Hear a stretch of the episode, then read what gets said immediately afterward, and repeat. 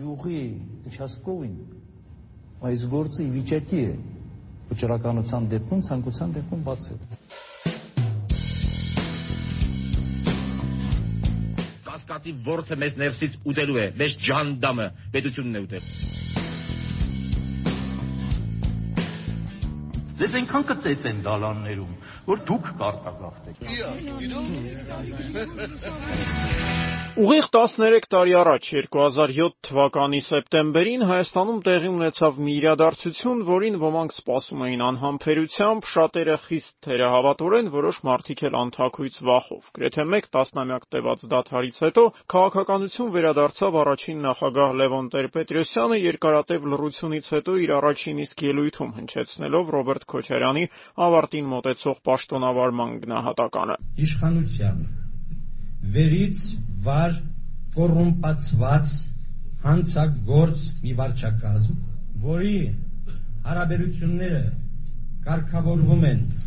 ոչ թե օրենքներով, ոչ թե ժողովրդի կամքով, ոչ թե քաղաքական երկխոսությամբ, այլ գողական աշխարհի կարգ ու կանոնով։ Ուրեմն այսօր խնդիրը այս համակարգը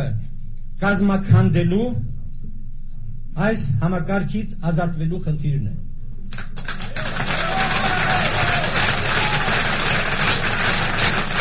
Տեր-Պետրոսյանի այս ելույթը հնչեց Հայաստանի անկախության 16-րդ տարեդարձի օրը 2007-ի սեպտեմբերի 21-ին Արմենիա Մարիոթ հյուրանոցի սրահներից մեկում հայոց համազգային շարժման կողմից կազմակերպված ընդունելության ժամանակ։ Թեև առաջին նախագահը շտապեց հայտարարել, որ դեռ չի որոշել արդյոք առաջադրվելու է 2008-ի փետրվարին կայանալիք նախագահական ընտրություններում, թե ոչ, Արմենիայում կազմակերպված ընդունելությունը գոնե արտաքին դրսևորումների առումով դասական նախընտրական հավաք էր հիշեցնում։ Գրեթե 20 րոպե տևած ելույթի ողջ ընթացքում Տեր-Պետրոսյանի հետ բեմում էին նաև նրա ընտանիքի անդամները եւ այդ պահի ամենամերձավոր աջակիցներից մի քանիսը՝ Վազգեն Սարգսյանի եղբայրը, Հանրապետություն կուսակցության առաջնորդ Արամ Սարգսյանը, Հայկական ժամանակի խմբագիր այլընտրանք նախաձեռնության հիմնադիր Նիկոլ Փաշինյանն ու ՀՀՇ ղեկավար Արարատ Զուրաբյանը։ 2007-ի սեպտեմբերի 21-ին նաև պարզ դարձավ, որ Տեր-Պետրոսյանը, ինչպես եւ 90-ականների վերջին, վստահ է Հայաստանի բնականոն զարգացման միակ երաշխիքը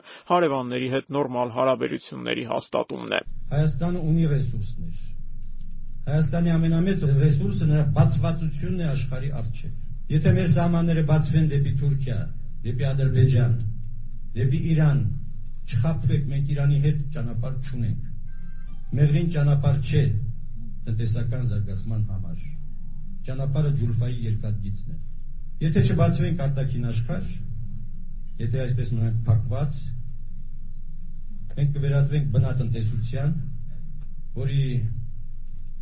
վախճանը շատ աղետալի կարող է լինել։ Տասնամյա լռության վերջը Տեր-Պետրոսյանը վերջապես խոսեց։ Առաջին նախագահի ելույթից անմիջապես հետո Երևանում այս խոսքերը հնչում էին տասնյակ, եթե ոչ հարյուրավոր անգամներ։ Թե այն ժամանակ, թե առավել եւս այսօր, սակայն քչերն են հիշում, որ Տեր-Պետրոսյանն իր լռությունը մեկ անգամ արդեն խախտել էր նկարագրվող իրադարձություններից ուղիղ 3 տարի առաջ։ 2004 թվականի նոյեմբերին Հայաստանի առաջին նախագահը մեկնել էր Միացյալ Նահանգներ Բիլ Քլինթոնի նախագահական գրադարանի բացման արարողությանը։ Շուրջ 1 շաբաթ Միացյալ Նահանգներում անցկացնելուց հետո 2004 թվականի նոյեմբերի 25-ին Տեր-Պետրոսյանը վերադարձավ Հայաստան բավական անսպասելիորեն, համաձայնելով պատասխանել Զվարթնոց օդանավակայանում իրեն սպասող լրագրողների հարցերին։ Գաղտնիք չէ, որ Հայաստանում պարբերաբար շրջանառվում են Լևոն Տեր-Պետրոսյանի մեծ քաղաքականություն վերադառնալու հնարավորության մասին լուրերը, կոնկրետ հարցիկ դուք հաջորդ նախագահական ընտրությունների մասնակցելու եք 4 տարվա հերակա իրողությունների մասին կարծիք այսօր չեմ կարող հայտնել Իհարկե հայաստանցի լրագրողները, որոնք կես գիշերին եկել էին օթակայան, չէին կարող շրջանցել նաև Ղարաբաղի հարցը։ Ղարաբաղի հարցում ոչ միայն որևէ առաջընթաց չկա, այլ իմ ֆրոնտալի մասում ես տեսնում տխուր հետևանքներ։ Այն ինչ որ մենք կարող էինք ստանալ 97 թվականին, մենք չենք ստանալու այնպես։ Երբ Լևոն Տեր-Պետրոսյանը պատրաստում էր նստել մեքենան եւ ուղևորվել տուն, լրագրողները կրկին հիշեցին առաջին նախագահի հանրահայտ «Եթե ազգովի խնդրեք կվերադառնամ»։ Թեև Լևոն Տեր-Պետրոսյանը արդեն զրույցի սկզբում էր ասել, թե ժամանակին ժպտալով ու կատակով է արտասանել այդ խոսքերը։ Абստրակտ խոսակցություն է։ Նամակներ են գնում Սպասի, 10 նամակը ոչինչ չի նշանակում։ 100 նամակը դեռ ոչինչ չի նշանակում։ Երբ որ 2 միլիոն նամակ կլեվի, ինչ ժամանակ ես կասեմ, կպատասխանեմ կամ չի պատասխանի։ Եթե հանրահավաք անեն, ով Ինչքան մարդու։ Ված չի։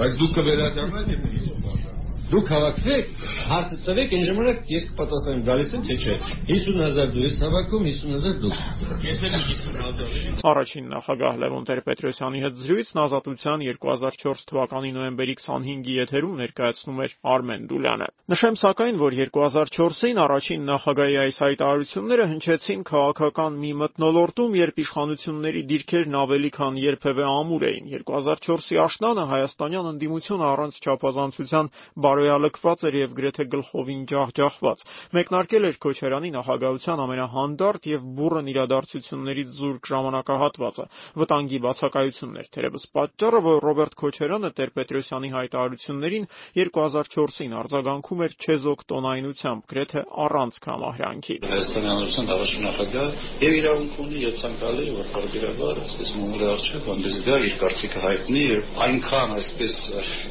ընդմիջումները մեզ չպետք է լինեն, որ դուք ատրակցիոնի պես անկալեք։ 3 տարի անց, սակայն իրավիճակը միանգամայն այլ էր։ 2007-ի աշնանը Տեր-Պետրոսյանի ակտիվացումն իշխանության ներսում որևէ մեկի համար այլևս ատրակցիոն չէր։ Առաջին նախագահի ելույթը հնչեց ներիշխանական լարման պայմաններում. Ռոբերտ Քոչարյանի նախագահական երկրորդ ժամկետի ավարտից հաշված ամիսներ առաջ։ Քոչարյանի հաջորդը լինելու իրավունքի համար իշխանական թիմում դրսից ոչ այնքան նկատելի ներքին, բայց բավական համառ պայքար էր ընթանում, որի հիմնական դերակատարները երկրորդ նախագահի երկու մերձավոր զինակիցներն էին՝ վարչապետ Սերժ Սարգսյանն ու արտգործնախարար Վարդան Օսկանյանը։ Այդ պայքարի միանշանակ ֆավորիտն իհարկե Սարգսյանն էր, եթե հաշվի առնենք նաև այն հանգամանքը, որ ընդդիմադիր դաշտն այս շրջանում գրեթե ամբողջությամբ զտված էր եւ վերահսկելի իշխանությունների կողմից, པարզ կդառնա, որ Քոչարյանի պաշտոնավարման ավարտին բոլոր պայմանները ստեղծվել էին, որպեսզի 2008-ի փետրվարին կայանալիք նախագահական ընտրություններն անցնեն իշխանության գծած սցենարով, սցենար, որում Տեր-Պետրոսյանը տեղ չուներ։ Այդ պատճառով էր երևի, որ այս անգամի տարբերություն 2004 թվականի Քոչարյանի արձագանքն անհամեմատ ավելի նյարդային էր։ Առաջին նախագահ որոշակի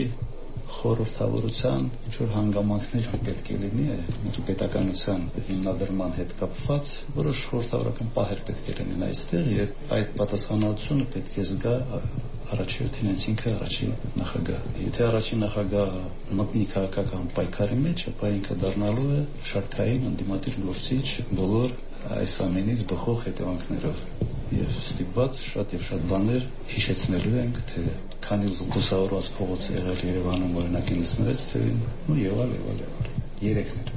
Քոչարյանի այս հայտարարություններին սպասվածի պես առաջինն արձագանքեցին Երևանյան թերթերն իրենց խմբագրականներում նկատելով, որ Տեր-Պետրոսյանը Հայաստանում բնակվող միակ մարդը չէ, ում կարելի է ինչ-որ բան հիշեցնել։ Հայքի գլխավոր խմբագիրը անդրադառնալով նախորդային նախագահ Ռոբերտ Քոչարյանի հնչեցրած գնահատականներին հակադարձել է մեջբերում. Ռոբերտ Սեթրակիչը ինքնամոռացության մի պահի նույնիսկ փորձեց սպառնալ Տեր-Պետրոսյանին, հետո կենտրոնացավ ու հիշեց, թե ինքը ինչ բյուջե է ընդունել եւ ինչ բյուջե ունի հիմա Հայաստանը, ապա նաեւ շատ հուզված հիշեց, որ Երևանում 1996-ին լուսավորվում էր ընդամենը 3 փողոց, Երևի ժամանակին դաշտային հրամանատար եղած Քոչարյանը չի զլանա հիշել, թե ավելի վաղ Ադրբեջանի հետ հակամարտության մեջ ներքաշված Հայաստանից քանի միլիոն դոլար էր խլում պատերազմի մեկ օրը, եթե Քոչարյանը լռի ու ոչինչ էլ չասի, այդ դեպքում մենք կհրապարակենք տվյալները, Մենք ընթերցողին նաև կտեղեկացնենք, թե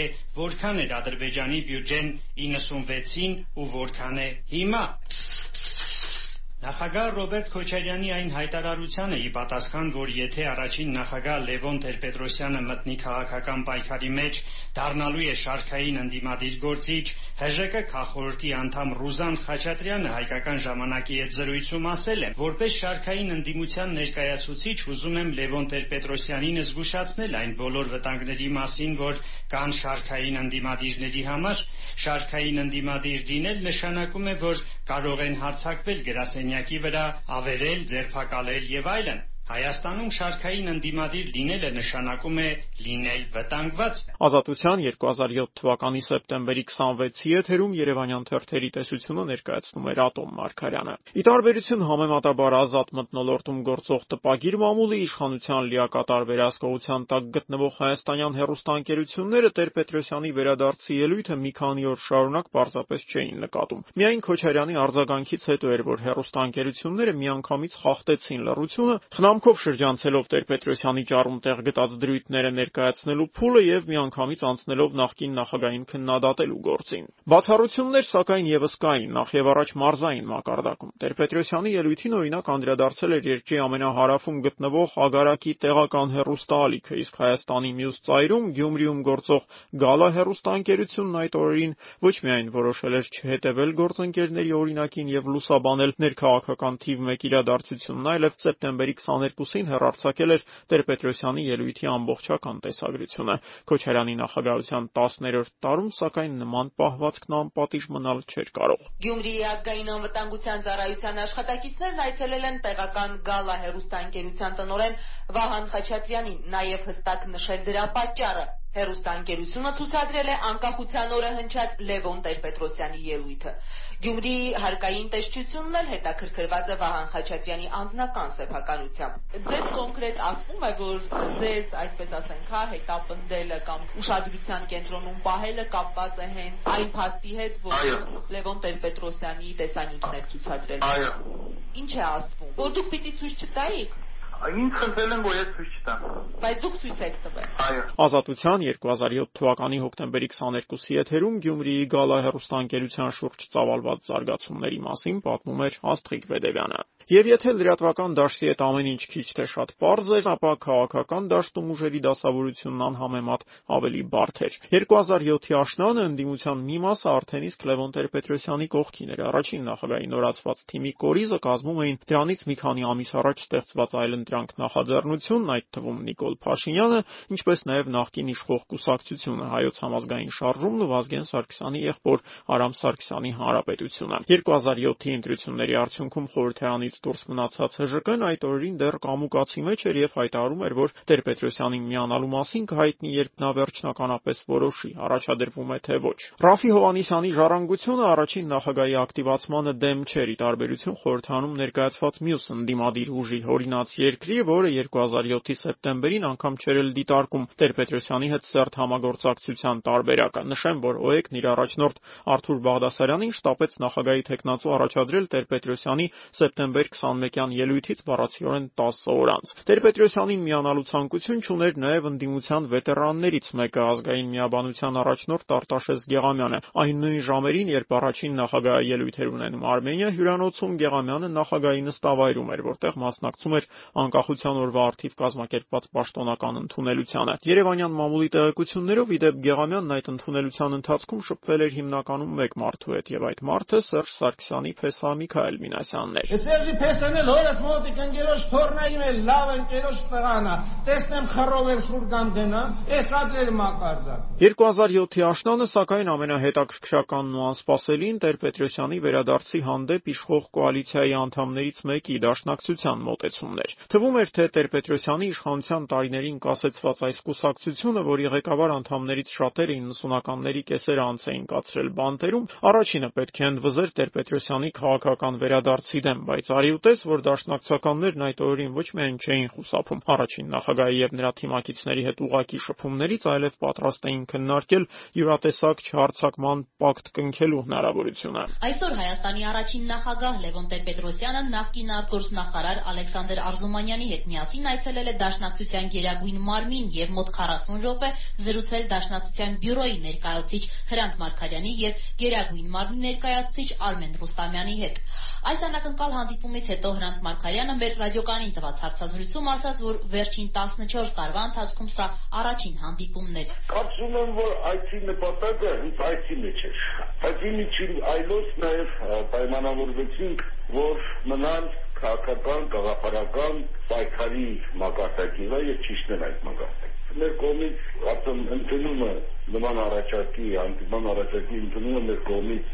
կարևոր է այն առումով, որ մենք եւս մեր հեցին անձնական օրինակ ցույց տալու խնդիր ունեինք երկրի մեջ համերաշխություն մտնելով հանդուրժողականության մտնելով ստեղծելու Իսկ հին խնդիրներից չեք խոսել թե արդեն այս այցով այսպես համերաշխություն է կնքվել դաշնակցության եւ համերաշխությունը բավական լուրջ ածական է գիտակցաբար երկուսը չխոսեցինք անցյալի մասին, որտեղ վերջապես բոլորից կարծում եմ ավելի շատ մտահոգի մեր երկրի մեր ժողովրդի ապագան։ Բայց եթե դաշնակցականների ու առաջին նախագահի հանդիպման ընթացքում մասնակիցները գերադասել էին չանդրադառնալ անցյալին, ապա Տեր-Պետրոսյանի հաջորդ հանդիպումը գրեթե ամբողջությամբ անցյալի մասին էր։ Ղարաբաղ կոմիտեի երկու ամենաազդեցիկ անդամներ էին 96 թվականի նախագահական ընտրությունների երկու առաջատարներն ու անզիջում մրցակիցները Լևոն Տեր-Պետրոսյանն ու Վազգեն Մանուկյանը հանդիպեցին 2007-ի հոկտեմբերին իրենց մեկ այլ նախկին զինակցի ակադեմիկոս Ռաֆայել Ղազարյանի համառ ջանքերի շնորհիվ։ Վիճաբանություններ սկսվեցին, ասենք 96 թվականի մասին։ Պարզվեց, որ ինքը ոնց որ մտածում էր այն ժամանակ եւ ոնց էր ես մտածում այն ժամանակ, այդ նույնը մնացել է։ Ես մնացել եմ նույնը, ինքը մնացել է նույնը։ Եվ ես կիսա լուրջ կիսակատակ Լևոն Տեր-Պետրոսյանն էլ ասաց, որ 96 թվականի համար կամ դու պիտի նստես, կամ ես պիտի նստեմ։ Պատրաստվում է Լևոն Տեր-Պետրոսյանը անցյալի իրադարձությունների շուրջ հայտարարություն անել հասարակության համար։ Ալեքսանդր Արզումանյան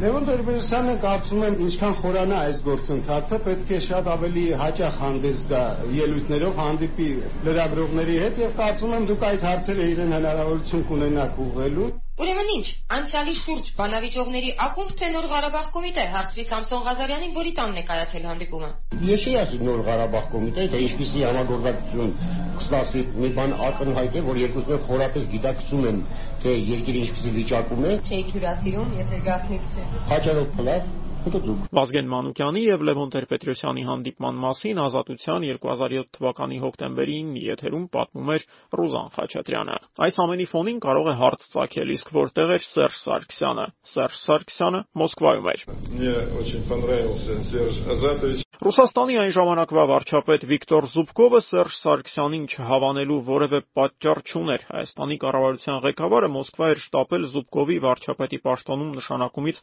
հաշված օրեր անց, դառնալով այսօր արդեն բարեհաջող կերպով մոռացված ռուսաստանցի այս գործչի առաջին արտասահմանյան հյուրը։ Մոսկովյան այցի ընթացքում Սերժ Սարգսյանը ռուսական կողմին խոստացավ, որ հայկական ատոմակայանի նոր էներգաբլոկը կառուցելու են ռուսները։ Հայաստանում արկա ուրանի պաշարների երկրաբանական հետ հետախուզությունն իրականացնելու են ռուսները։ Եթե մի օր գործը հասնի Իրանի հետ սահմանին նավթի վերամշակման գործարան կառուցելուն, դա կրկին կանեն ռուսները։ Նման պահվածքն այնքան էլ անսպասելի չէր, շատ ավելի անսպասելի այն հանգամանքը, որ Սերժ Սարգսյանը Ռուսաստանի մայրաքաղաքում ռուսաստանցի լրագրողների հետ շփման ընթացքում առաջին անգամ միանշանակորեն հայտարարեց նախագահական ընտրություններին մասնակցելու իր մտադրության մասին, ընդդիմադիր մամուլին հեգնանքի ու քննադատության անսպառ նյութ նվիրելով։ Հայք թերթի գլխավոր խմբագիրը պատասխանելով հարցին, թե ինչու Սերժ Սարգսյանը իր նախագահական հավակնությունների մասին հայտարարեց ոչ թե Երևանում, այլ Մոսկվայում, փաստարկել է մեջբերում։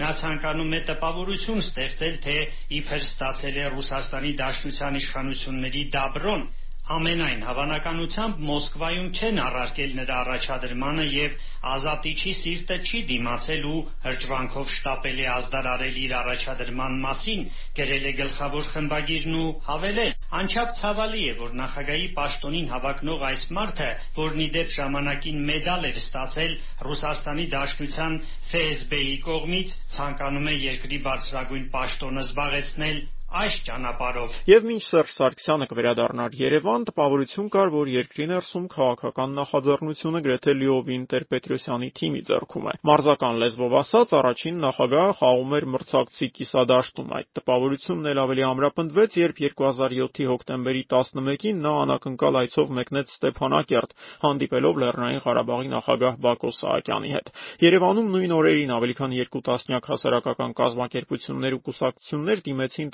Տեր-Պետրոսյանին 2008-ի ընտրություններում առաջադրվելու կոչով։ Նշեմ ի դեպ, որ Տեր-Պետրոսյանի թիմի հանդեպ 2007-ի աշնանը հետաքրքրություն էին ցուցաբերում ոչ միայն քաղաքական կամ հասարակական շրջանակները։ Ակտիվ խոսակցություններ էին շրջանառվում նաև գործարարների շրջանում նկատվող խմորումների մասին։ Այդ առումով ամենացայտումն իհարկե Սիլ կոնցեռնի ղեկավար ազգային ժողովի падգամավոր Խաչատուր Սուքյասյանի օրինակն էր։ Դեռ 90-ականներից հանրությանը քաջածանոտ Սուքյասյանների ընտանիքի ամենահայտնի ներկայացուցիչը Տեր-Պետրոսյանը Տեր-Պետրոսյանի քաղաքականություն վերադառնալու առաջին իսկ օրվանից առաջին նախագահի հանդեպ իր դրական վերաբերմունքը չէր թաքցնում։ Ինչպես եւ Գյումրիի Գալա հեռուստաընկերության դեպքում Սուքիասյանի պարագայում եւս իշխանությունների պատասխանը նույնն էր՝ հարկային ստուգումներ։ Սուքիասյանին պատկանող ձեռնարկություններում ստուգումները, որոնց շուրջ 4 տասնյակ հարկային տեսուչ էր մասնակցում, մեկնարկեցին Տեր-Պետրոսյանի քաղաքականություն վերադառնալուց մի քանի շաբաթ անց։ Հարվածի տակ էին Սուքիասյանին պատկանող գրեթե բոլոր ձեռնարկությունները՝ հանքային ջրերի բջնի գործարանից մինչև Պիցցադի Ռոման, որի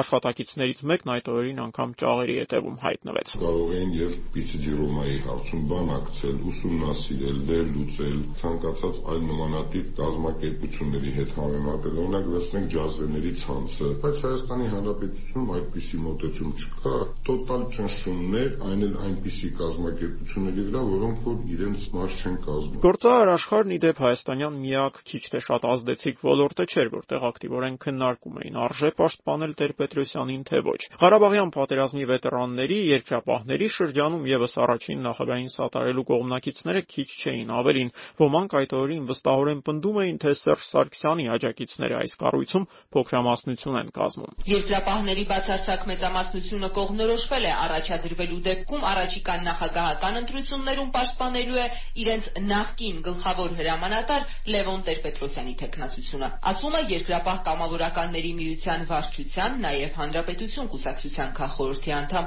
Սմբատ Այվազյանը։ Իսկ ճիշտ է համարում երկրապահի ներգրավվածությունը քաղաքական գործընթացներում։ Ես հիշում եմ սպառապետի մի խոսքը, եթե մենք քաղաքականությամբ չզբաղվենք, քաղաքականությունը մեզանով զբաղում։ Երկրապահ կամավորականների միությունից անջատված թև գոյություն ունի ոգու փորձություն հասարակական կազմակերպությունը, որը ստեղծեցին Ալբերտ Վազեյանը, Մալաթիայից ընտրված պատգամավոր Հակոբ Հակոբյանն ու հանրապետական Սասուն Միքայելյանը։ Ոգու փորձության շարքերում կան եւ ընդդիմադիր եւ իշխանական թևի ներկայացուցիչներ, նույն Հակոբ Հակոբյանը, ով թե Երևան կուսակցական է, բայց պատգամավոր է դարձել Հանրապետական կուսակցության համամասնական ցուցակով կամ Սասուն Միքայելյանը նաև Հանրապետականը եւ իշխանական այս կուսակցության ցուցակով է խորհրդարանում հայտնվել։ Ես ոքի փորձույթ եմ, անդամ ես Հայաստանն եմ պաշտպանում։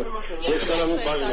պաշտպանել։ հա, Սիբիրում պաշտպանեի։ Օրինակ Սմբատ Այվազյանը ասում է, որ շարքերում այսպիսի կարծիք կա, որ Լևոն Տեր-Պետրոսյանը պիտի վերադառնա։ Հա, բայց ես ես Սարգսյանն եմ պաշտպանելու։ Ազատության 2007 թվականի հոկտեմբերի 11-ի եթերում երկրապահների հետ զրուցել էր Աստղիկ Բեդևյանը։ Կանցնի մի քանի ամիս եւ թե Հակոբ Հակոբյանը, թե Սասուն Միքայելյանը կհայտարարեն առաջին նախագահային սատարելու մասին։ 2007-ի ուշաշնանը սակայն Տեր-Պետրոսյանի թիմի մարտավարական հաջողություններին իշխանությունները հակադարձում էին մեկ բավական տրամաբանական թվացող մի փաստարկով։ Որևէ ընդդիմադիր գործիչ չի կարող հայտարարել քաղաքական դաշտում իր առաջատար դիրքի մասին, եթե չունի լայն զանգվածների աջակցությունը։ Իսկ 2007-ին, ինչու՞ չէ նաև այսօր, լայն զանգվածների աջակցությունն ցույց դնելու միակ միջոցը մարդաշատ հանրահավաքն է։ 2007-ի հոկտեմբերի կեսին առաջին նախագահի շուրջ միավորված ուժերը սկսեցին նախապատրաստվել այդ հանրահավաքին։ Այն նշանակվեց հոկտեմբերի 26-ին Ազատության հրապարակում։ Հանրահավաքի անցկացման մասին որոշում կայացնելը սակայն հեշտ էր, շատ ավելի դժվար էր այդ հանրահավաքի մասին տեղեկացնել այն լայն զանգվածներին, որոնց մասնակցությունն ակնկալում էին Տեր-Պետրոսյանն ու իր թիմակիցները։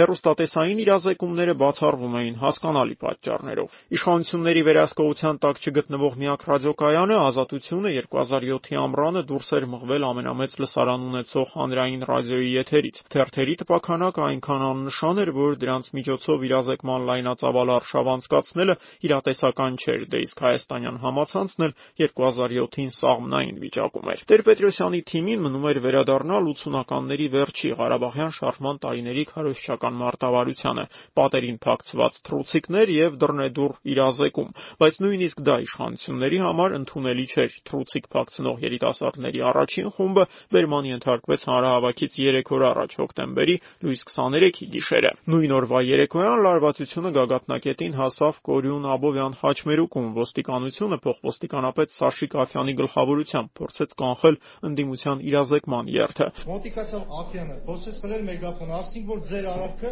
օրենքով չթույլատրված է։ Ինքը ասեց օրենքը ես եմ, ես եմ ասում, ուրեմն սենց պետք է լինի։ Հետո կանչեցին կարմիր բերետավորներին, կարմիր բերետավորները առանց խոսքի հարձակվեցին մեր վրա, ուժով բերվան ենթարկեցին բաժին ապորինի։ Երթի մի քանի տասնյակ մասնակիցներին, այդ թվում առաջատար երկու դիմադիր թերթերի հայկական ժամանակի եւ 4-րդ իշխանության խմբագիրներ Նիկոլ Փաշինյանին եւ Շողեր Մաթեոսյանին բերման ենթարկեցին կենտրոնի ոստիկանություն, արագորեն ոստիկանի դեմ բռնություն կիրառելու հոդվածով քրեական գործ հարուցելով։ 2007-ի հոկտեմբերի 23-ի երեկոյան բոլորին հուզող հարցը մեկն էր. արդյոք իշխանությունները թույլ կտան Տեր-Պետրոսյանի աջակիցների կորիզը կազմող ակտիվիստներին դուրս գալ ոստիկանությունից, թե նրանք կալանավորվեն նույնիսկ միջազգային կառույցների գրեթե անխուսափելի քննադատության եւ ներքին լարման աճի գնով։ Այս գործոնները գուցե չզսպեին Քոչարյանի վարչակազմին, սակայն ինչպես եւ ողջ քարոզարշավի ընթացքում այդ գիշեր եւս իրադարձությունները զարգացան իշխանությունների գծած սցենարին հակառակ, ի վերջո ստիպելով ոստիկաններին ազատ արձակել ձերբակալված ընդդիմադիրներին։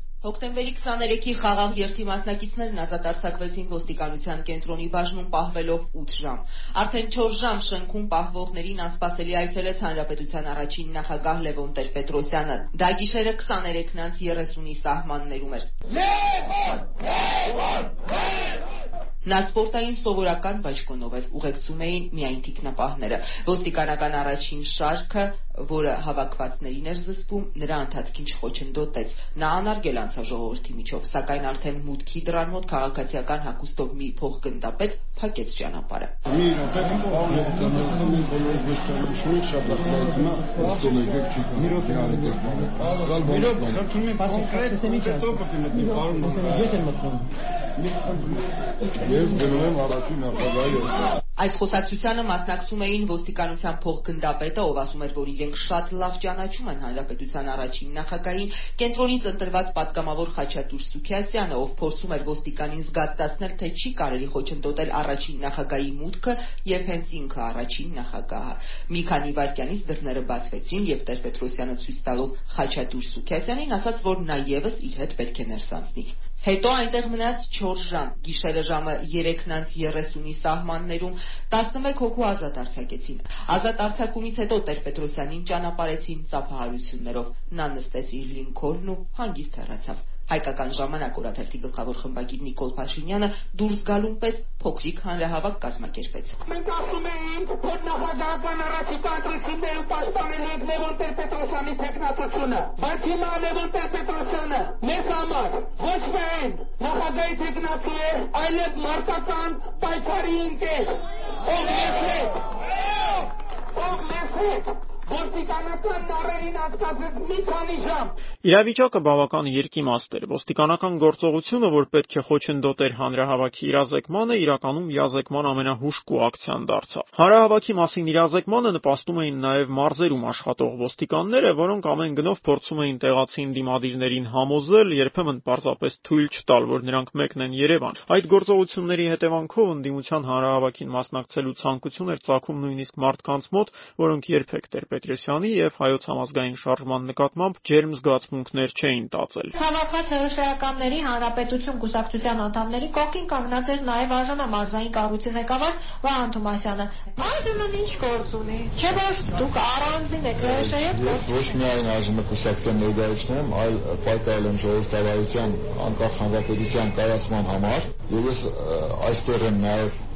սատարելու իմ ընկերներին անկախ իրենց քաղաքական հայացքից, ինչպես նաև ոստիկանության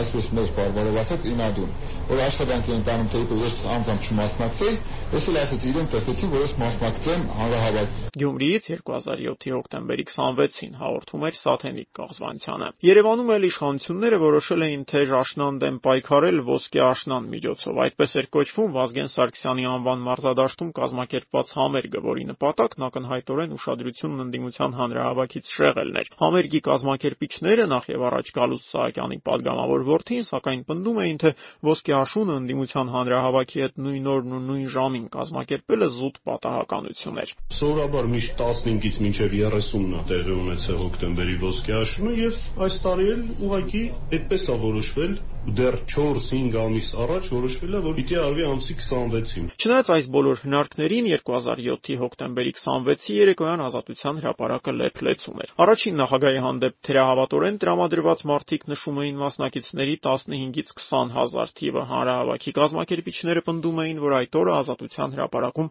40-ից 50 հազար մարդ կար։ Այսօր այդ դեպքերից 13 տարի անց դա ողջելն արդեն անհնարին է եւ նույնիսկ ոչ այնքան էական։ Մեկ բան ակնհայտ էր վերջին անգամ Երևանի կենտրոնում այդքան մարդ հավաքվել էր 2003 թվականի նախագահական ընտրություններից հետո Ստեփան Դեմիրճյանի հրավիրած հանրահավաքների ժամանակ։ 2007-ի հոկտեմբերի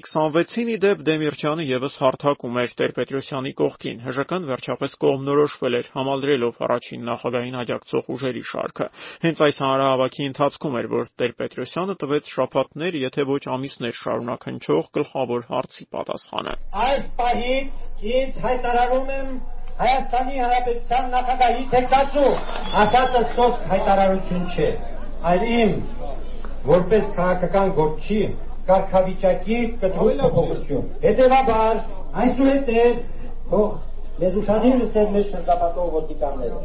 Իմ կողմնակիցների նկատմամբ գործադրված որևէ բռնություն կամ հարկային ծառայության սանձազերծած որևէ տերոր դիտվելու է որպես քաղաքացիների ընտրական իրավունքի հանդեպ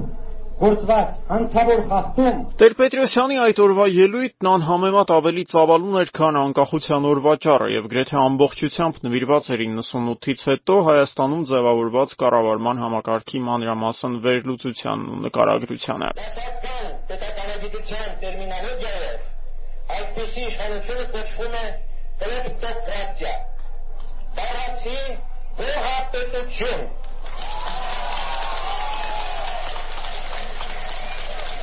Սակայն ես կնախընտրեի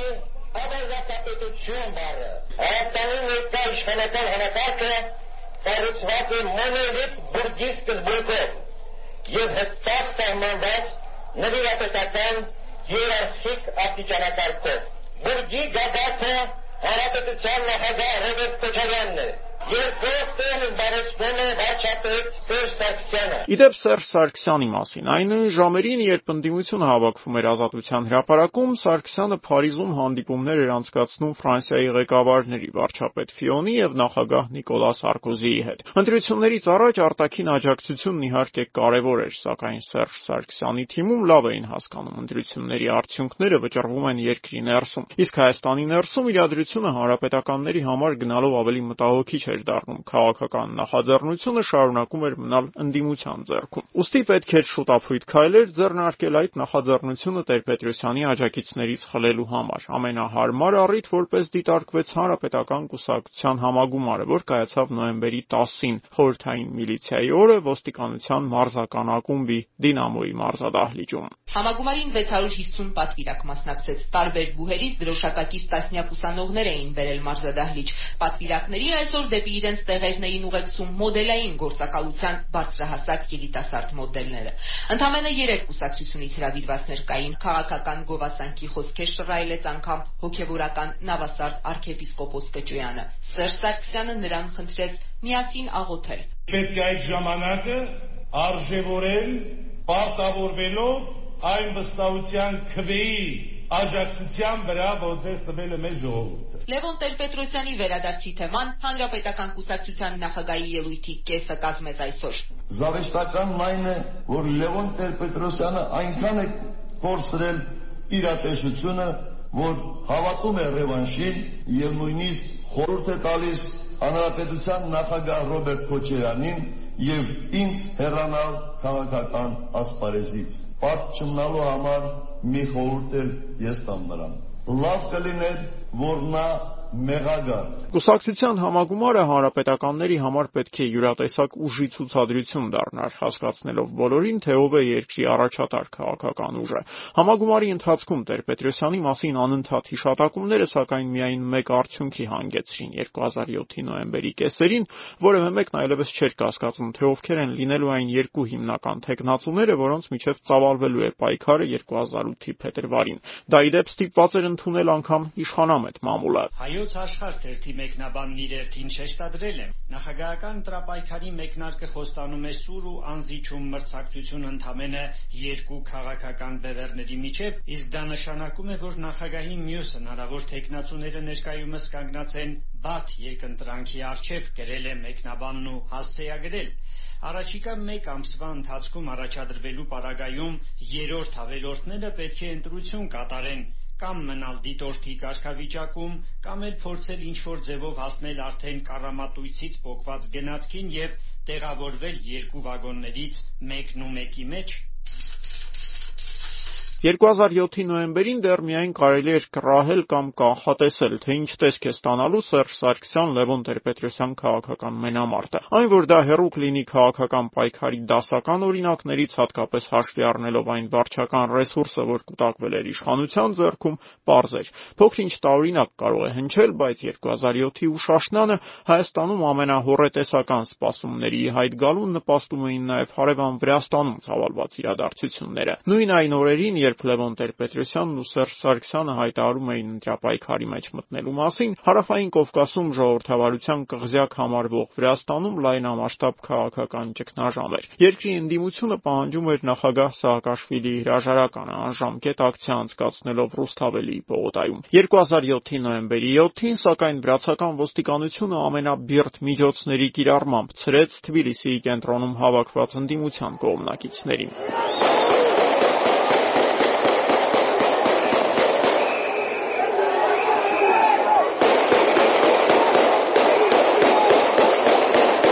Վրաստանն ու Հայաստանը չափազանց շատ մշակութային, պատմական, մարդկային ընդհանրություններ ունեին, որպեսզի Թբիլիսիում 2007-ի աշնանը տեղի ունեցող իրադարձությունները հայաստանցիների մոտ հարցեր չառաջացնեին։ Այդ հարցերից ամենահաճախ հնչողը կարելի էր հետևյալ կերպ ձևակերպել. Եթե ցուցարարների հետ նման դաժանությամբ են վարվում 100%-ով լեգիտիմ իշխանություններն ու արևմտյան չափանիշներով զրոյից ստեղծված վրացական ոստիկանությունը, իրադրությունը սրվելու դեպքում ինչեր կանեն հայ ցուցարարների հետ հայ ոստիկանները։ Ամենից սպասում է նաև Հայաստանում, որովհետև ես միանշանակ հասկանում եմ, որ եթե ընտրությունները կեղծվելու են, եթե այդպիսի բան է լինելու, այս անգամ ժողովուրդը դուրս է գալու ու կարծում եմ նմանատիպ ինչ որ գործընթացներ սպասում են նաև այստեղ։ Նոր ժամանակներ կուսակցության ղեկավար Արամ Կարապետյանի այս կանխատեսումը հնչեց 2007 թվականի նոյեմբերի 9-ին, մարտի 1-ից 3 ամիս եւ 3 շաբաթ առաջ։